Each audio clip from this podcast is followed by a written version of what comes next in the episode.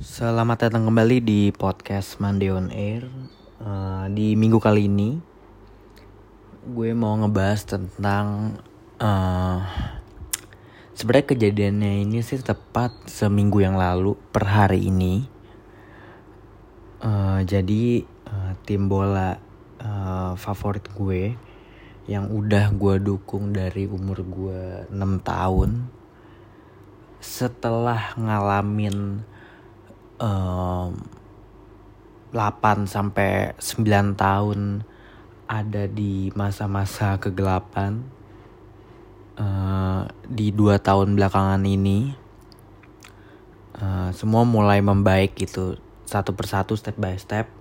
Tahun lalu akhirnya setelah 8 tahun gak bermain di kompetisi tertinggi di Eropa akhirnya kita balik lagi ke mana uh, uh, yang di mana uh, itu merupakan uh, tempat yang seharusnya kita uh, ada di setiap tahunnya. Karena emang tim gue ini uh, Milan itu tim kedua terbanyak uh, juara di kompetisi ini. Jadi emang kompetisi ini tuh udah jadi rumah. Tapi di 8 tahun terakhir ini kita nggak pernah masuk karena kita ada di masa-masa uh, kegelapan gitu dan tahun ini akhirnya juara juga. Juara uh, kompetisi uh, Liga Italia gitu. Uh, pokoknya selama musim ini naik turun banget. Bener-bener kayak naik roller coaster rasanya. Emosi demi emosi setiap minggunya. Beda-beda perasaannya marah, sebel, seneng, kecewa, sedih. Tapi ujung-ujungnya bahagia juga. Setelah 11 tahun terakhir juara, juara Liga Italia akhirnya juara lagi. Jadi terakhir 2011, juara lagi di 2022. Gue waktu itu umur berapa ya? 2010 tuh eh 2011 ya, umur 11 12 tahun lah sekarang uh, 22 tahun gitu jadi cukup lama buat gue nunggu akhirnya momen ini bisa dirasain lagi gitu. Uh, tapi gue lupa ngomong di awal sih jadi gue mau cerita ini karena emang ini perasaan yang gue rasain seminggu belakangan ini. Uh, tapi gue mau coba pakai analogi bola juga sih karena emang kebetulan yang tadi gue bilang ini yang gue rasain.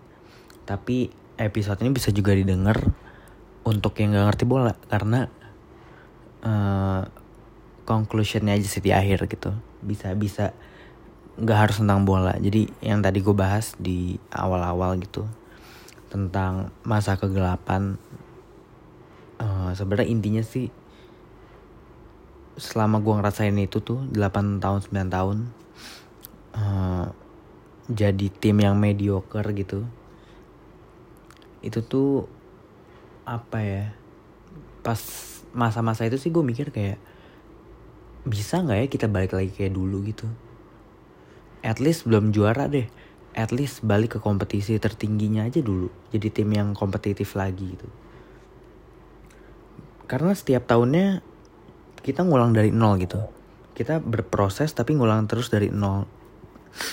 Kayak misalnya ganti-ganti pelatih pemain beli yang murah manajemen ganti. Jadi semua tuh selalu uh, mulai dari nol padahal kita punya project dalam satu tahun gitu.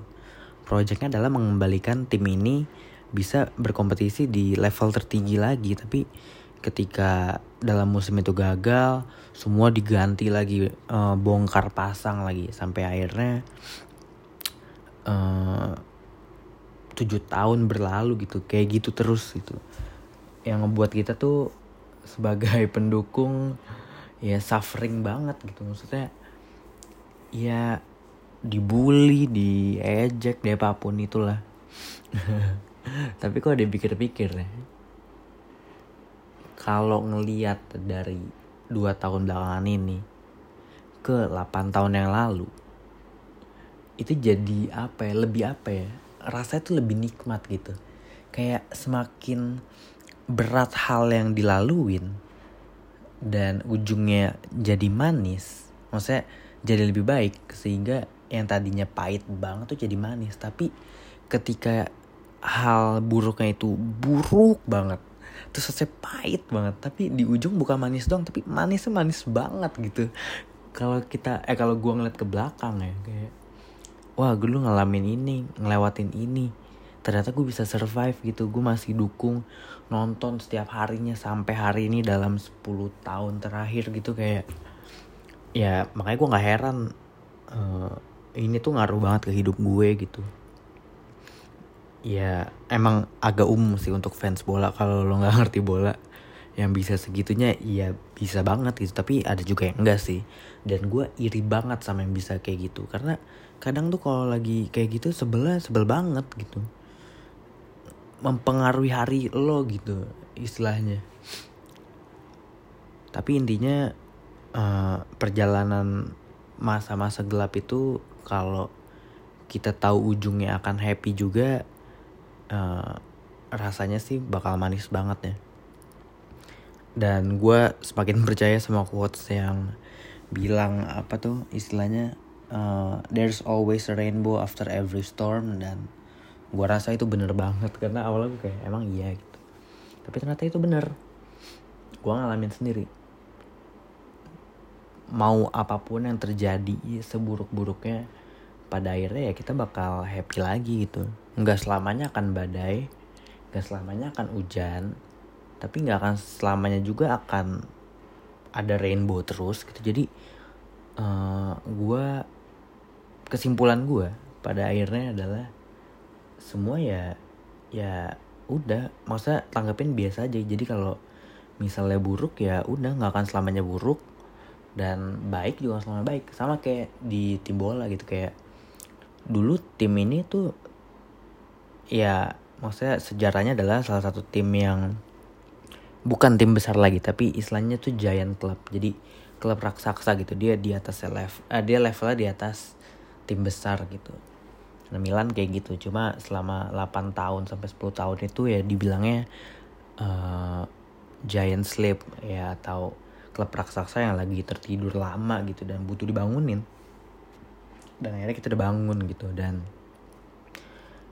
ini semua berkat uh, manajemen tim yang punya project dengan jelas banget uh, sehingga tuh kita ngejalanin apa strategi untuk nyampe di goals itu tercapai dengan baik dan sesuai dengan strategi yang udah dibangun gitu. Jadi untuk bisa mencapai ke sebuah goals juga butuh uh, visi misi yang matang banget project yang jelas orang-orang yang ngejalaninnya juga jelas dilaluin sama-sama. Ketika goalsnya itu tercapai rasanya bener deh manis banget.